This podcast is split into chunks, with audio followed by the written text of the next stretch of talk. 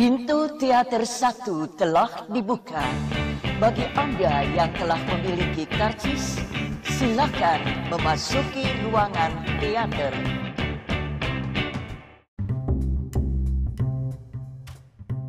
Baik lagi sama gue Mustafa di podcast Habis Nonton Film Kali ini uh, gue akan ngebahas salah satu film terbaik di tahun 2019 Yang sayang banget kalau misalnya lu lewatin ya Sayang banget kalau misalnya lu tidak tidak ada waktu untuk nonton Karena uh, apa ya ini adalah film yang sangat wajib dinikmati di bioskop uh, dibandingkan medium lainnya gitu. Ya mungkin nanti kan akan ada versi digitalnya gitu ya. Lu bisa nonton di TV, di laptop atau di HP atau atau atau atau di mana pun gitu. Tapi kalau lu nggak nonton di bioskop, lu gue gue yakin lu akan menyesal gitu. uh, film ini judulnya Ford and Ferrari. Sebuah film karya terbaru dari James Mangold yang bikin Logan, yang bikin uh, Walk the Line ya. Uh, kalau gue nggak salah film yang menceritakan tentang bagaimana Ford berusaha ingin menaklukkan Ferrari dalam uh, balapan Le Mans 2000 eh Le Mans 66 eh 1966 kalau nggak salah juga gue lupa uh, detail angkanya. Uh, film ini diangkat dari kisah nyata True Events uh, dengan sedikit modifikasi gitu ya tentunya untuk menambah tingkat dramatisasi cerita. Dan film ini diperankan oleh dua aktor terbaik yang ada di dunia saat ini. Salah satu yang terbaik di dunia saat ini yaitu Christian Bale dan uh, Matt Damon. Uh, Christian Bale is so fucking awesome. Gue nggak bisa berhenti hentinya kagum ya dengan transformasi dia gitu ya. Dia bisa berubah jadi sosok yang lain gitu di setiap filmnya dan di film ini dia berhasil memerankan Ken Miles, salah satu tokoh utama yang berperan penting dalam cerita dalam film ini dan ya jelas namanya juga peran utama.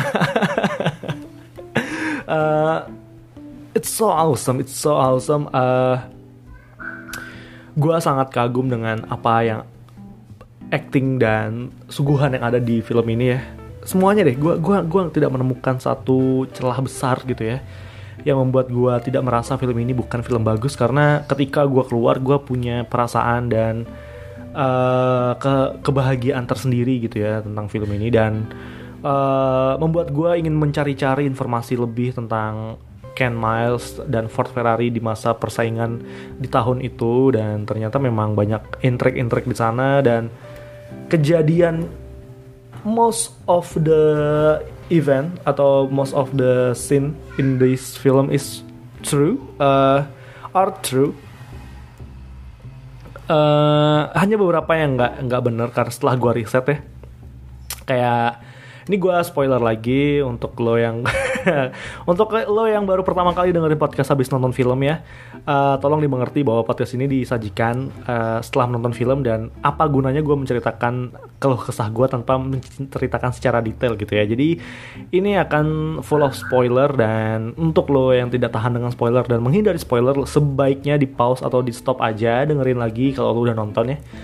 Oke lanjut. Uh, hanya beberapa hanya ada beberapa kejadian di film Ford and Ferrari yang tidak nyata atau dibuat-buat seperti adegan uh, Enzo Ferrari yang ada di uh, sirkuit Le Mans ketika sedang ada balapan terus kejadian si Shelby membawa Henry Ford naik mobil itu juga uh, dibuat-buat ya untuk unsur dramatisasi cerita tapi itu masih nggak kenapa-kenapa gitu. Secara storytelling itu nggak kenapa-kenapa. Dan gue tidak bermasalah juga dengan itu. Gue yakin ada beberapa part yang emang harus dibuat secara dramatis gitu ya.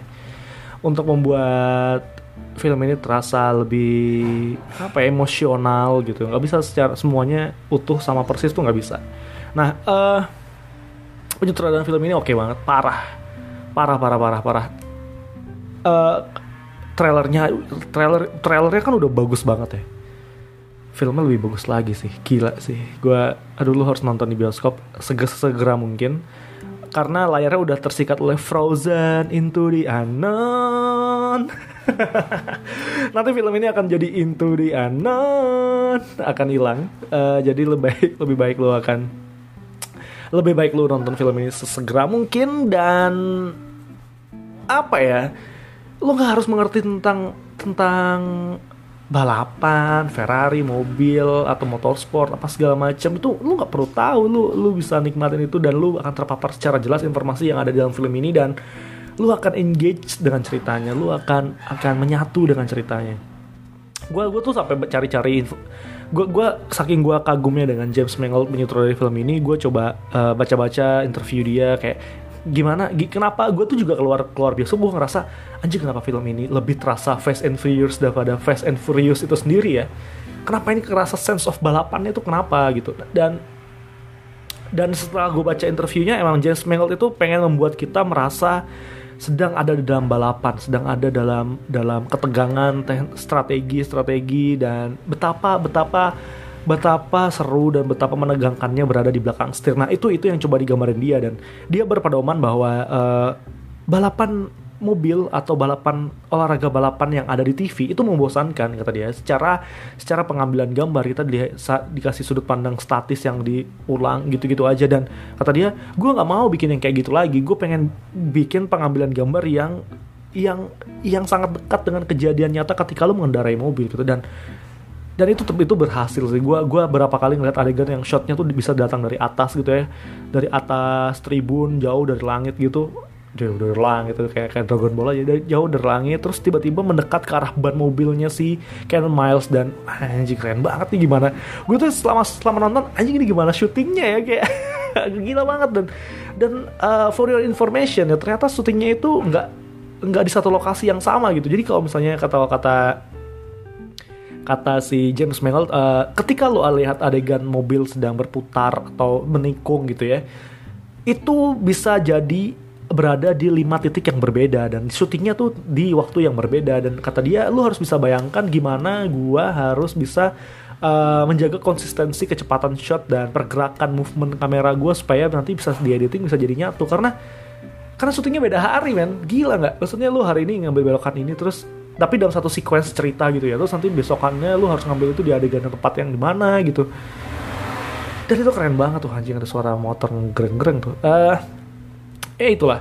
Itu keren itu kan keren banget ya. James anjing gue gue gue gue kagum dengan pendekatan yang James Mangold. Banyak banget yang apa ya selama selama nonton lu ngerasa deket banget dengan Ken Miles dan ada beberapa review dan gue setuju juga yang bilang kalau film ini lebih mendekatkan kita kepada kisah tragedi daripada kemenangan triumph itu sendiri gitu. It's more tragedy than the triumph itself. Uh, dan itu benar dan itu benar. Uh, ya ya ya nggak apa-apa. Uh, menarik menarik banget untuk bisa ngelihat film dengan tema balapan. Uh, berbeda dengan Rush ya Rush kan juga mirip banget tuh. Tapi ini ini lebih emosional sih dan uh, sedikit flashback tentang James Mangold terhadap ceritanya ini based on pembaca bacaan gue di interview dia ya. Uh, film ini tuh idenya udah datang dari tahun 2000-an kali ya, 2000-an dan James Mangold itu uh, setelah Derek Logan dia berusaha meyakinkan uh, Fox kalau dia bisa menyutradarai film ini. Jadinya tadinya cerita film ini tuh ber, dari banyak karakter gitu. Nggak cuma dua orang, nggak cuma Ken Miles sama si siapa? Si Shelby si character Shelby. Tapi dari banyak banyak banyak karakter dan menurut dia gue tuh nggak bakal bisa bikin film ini dalam 4 jam untuk menceritakan semuanya. Jadi dia cut semua per, semua uh, point of view karakter-karakter lain dan dia uh, jadikan dua karakter utama di film ini. Dan uh, akhirnya filmnya bisa itu pun 152 menit yang yang cukup panjang juga. Tapi kan jadinya worth gitu secara kita nonton nggak terlalu lama dan cukup secara dramaturginya kita juga masih dapat itu storytellingnya strukturnya itu masih oke okay banget dan uh, apa ya kayak ya ya ya ini perjuangan yang berat ketika James Mangold harus bisa menceritakan uh, kisah nyata gitu ya. Dan ternyata James Mangold juga nggak tahu tentang tentang permobilan loh. Permobilan motorsport tuh dia nggak tahu. Dia dia cuma suka dengan karakternya gitu. Jadi dia bilang kalau gue lebih suka uh, terhadap karakternya daripada motorsportnya. Jadi ketika dan itu kru kru gue juga kayak gitu. Dan kata dia nanti kalau misalnya ada orang yang paham motorsport terus bilang ke gue uh, ini kita harus pasang adegan uh, gimana mereka membuat bump bumpernya atau membuat wingsnya atau apa. Terus kata dia siapa yang peduli? Penonton tuh nggak peduli gimana lo bikin bumper lo bikin mobilnya tuh gimana yang dipentingkan itu adalah sense uh, emosionalnya gitu. Anjing keren banget setuju setuju gue setuju.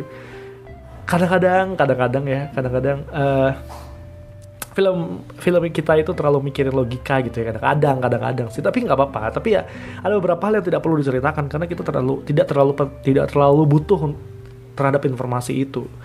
Gitu dan uh, apalagi ya? Anjing keren. Gue kayak tadi pengen ngomongin banyak tapi gue tiba-tiba lupa deh. Uh, oh ya ini ini salah satu film yang sound experience-nya sangat bagus ya.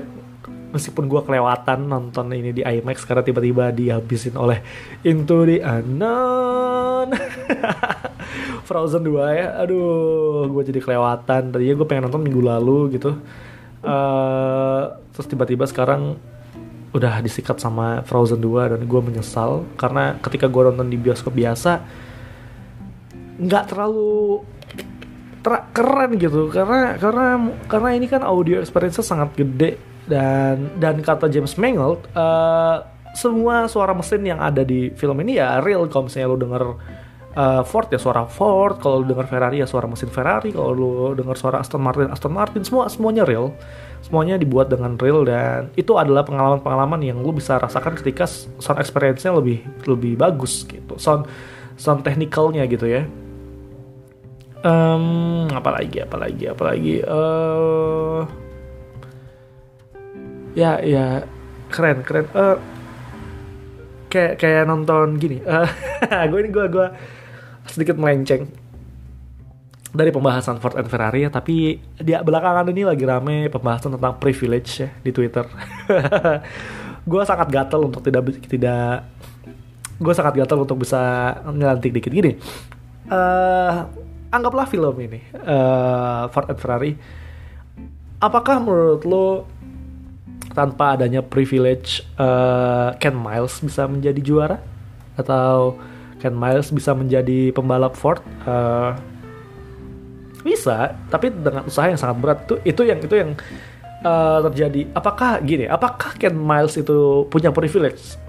Punya karena dia punya relasi Carroll Shelby yang punya uh, nama dan prestasi di uh, motorsport sebelumnya. Sehingga dia direkrut oleh Ford dan akhirnya Carroll Shelby mengajak uh, Ken Miles untuk bisa menjadi pembalap di Ford. Nah, itu juga yang terjadi di, di kehidupan kita sehari-hari ya kayak lu lu uh, logikanya aja nih uh, kita kita kita itu lahir dan dibesarkan dan dikasih kesempatan yang berbeda-beda. Uh, semua orang bisa jadi presiden, of course. Tapi apakah uh, orang dengan kehidupan sosial yang susah akan lebih mudah menjadi presiden ketimbang orang kaya yang punya segudang pengalaman dan segudang pengalaman yang mampu ia dapatkan dengan mudah dan uh, akses terhadap ilmu pengetahuan yang lebih mudah gitu. Tentu tentu peluangnya akan lebih besar yang orang yang udah punya privilege gitu dan lu harus menyadari kalau privilege itu nyata adanya dan itu terjadi juga di semua semua aspek kehidupan gitu ya. lu sejauh-jauh deh Naruto aja, Naruto aja nggak bakal bisa jadi nggak bisa jadi Hokage nih. Kalau dia tuh awalnya bukan Jinchuriki susah banget pasti. Susah banget kalau dia bukan Jinchuriki dia susah banget jadi Hokage. Sudah jadi sudah Jinchuriki aja nih jadi Hokage aja susah. Dia harus lawan ini itu ini itu. Apalagi orang biasa gitu kayak siapa ya kayak ya kayak siapa gue pengen nyebut siapa ya. Kayak Sasuke gitu. Sasuke kan nggak juga orang biasa sih dia juga keturunan Uchiha yang punya kekuatan gitu ya. Tapi itulah nggak semua orang bisa jadi apa yang dia impikan gitu. Bukan bermasa bukan masalahnya bersyukur terhadap apa yang kita miliki dan apa yang kita dapatkan gitu ya. Terus merasa Tuhan tidak adil. Enggak enggak kayak gitu. Tuhan adil Tuhan mempunyai porsinya masing-masing. Tuhan membuat kita memiliki porsi kita masing-masing gitu. Kayak lu dilahirkan sebagai apa? Misalnya anak yang dengan kemampuan uh, apa ya matematika lebih cerdas ya lu berfokus aja di sana. Ya lu bisa jadi pegulat ya ya bisa tapi kan lu harus olahraga lagi. Dan beda kalau misalnya ada anak yang lahir dengan uh, otot yang lebih kuat atau keluarga yang punya pelatih gulat ya akan lebih mudah jadi gulat daripada si anak-anak yang jago matematika tadi gitu loh maksud gue privilege itu nyata adanya dulu harus sadarin itu. Dan buat orang-orang yang ngerasa kalau privilege itu nggak ada ini cuma acara kita perspektif kita melihat gimana kita bersyukur ah, enggak itu mah. Enggak deh enggak. Coba deh coba coba coba coba lebarkan pandangan kalian. Privilege itu nyata adanya men. Iya sih? Anjing. Itu sih uh, ya Ken Miles juga kayak gitu. Ken Miles itu nggak punya privilege pada awalnya. Dia nggak punya kesempatan untuk menjadi pembalap Ford gitu dengan ke kekuatan dia dan dia eh dengan kemampuan dia keahlian dia membalap mobil. Tapi toh pada akhirnya yang bisa membuat dia menjadi driver juga kedekatan dia dengan Carroll Shelby kan? Gitu gitu maksud gue gitu. Nah uh, baik lagi ke Ford and Ferrari uh, sedikit itu sedikit sedikit pandangan gue terhadap privilege. Uh, perubahan karakter yang terjadi dalam film ini menurut gue sangat sangat menarik untuk dibahas. Uh, Ken Miles adalah sosok yang awalnya sangat keras kepala sangat sangat saklek gitu ya sangat individual.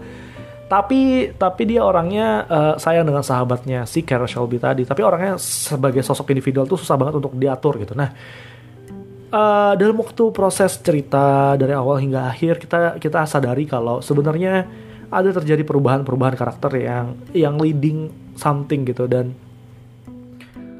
uh, Cara Shelby, oh no, Ken Miles pada akhirnya menyadari kalau dia adalah sosok yang team player.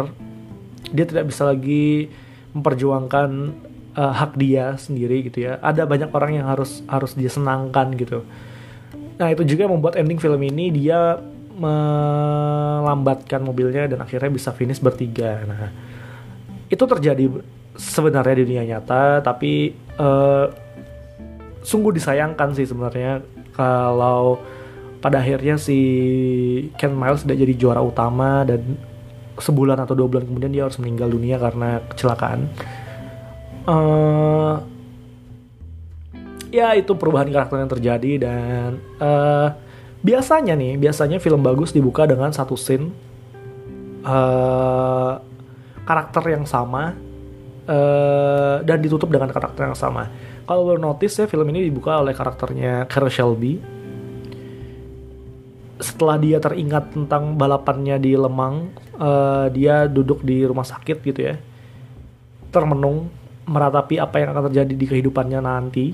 Uh, terus pada akhirnya dia duduk lagi di dalam kendaraan mobilnya, meratapi uh, kehilangan si Ken Miles tadi dan melanjutkan hidup lagi, move on gitu. Nah, uh, gue selalu merasa film yang dibuka dengan karakter yang sama itu bagus. Kalau bisa di tempat yang sama itu bagus. Gue nggak tahu kenapa ada ada ada hal-hal yang menurut gue anjing keren banget ya. Lu bisa bikin film dengan cerita yang dari titik yang sama eh, di tempat atau dengan kata yang sama terus baik lagi di tempat dan kata yang sama tapi ada ada hal yang udah dilewatin dan itu begitu besar gitu ya itulah kerennya.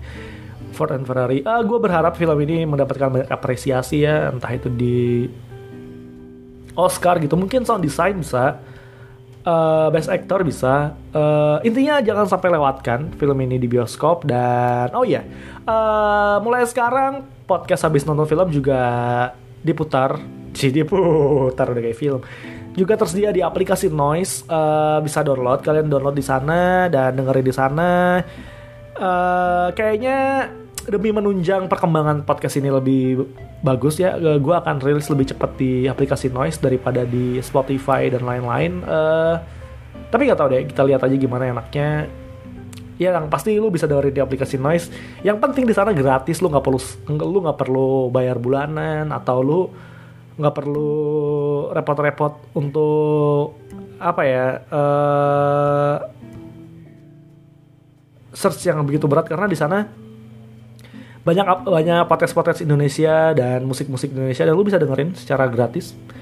Intinya sih itu. Uh, itu aja. Dukung terus gue di podcast habis nonton film supaya ya podcast ini bisa terus konsisten ya. Doakan aja. Uh, apa lagi ya? Kalau lu punya pertanyaan atau punya kalau kesah dengan podcast habis nonton film bisa di komen atau follow juga di Instagram dan Twitter at habis nonton film.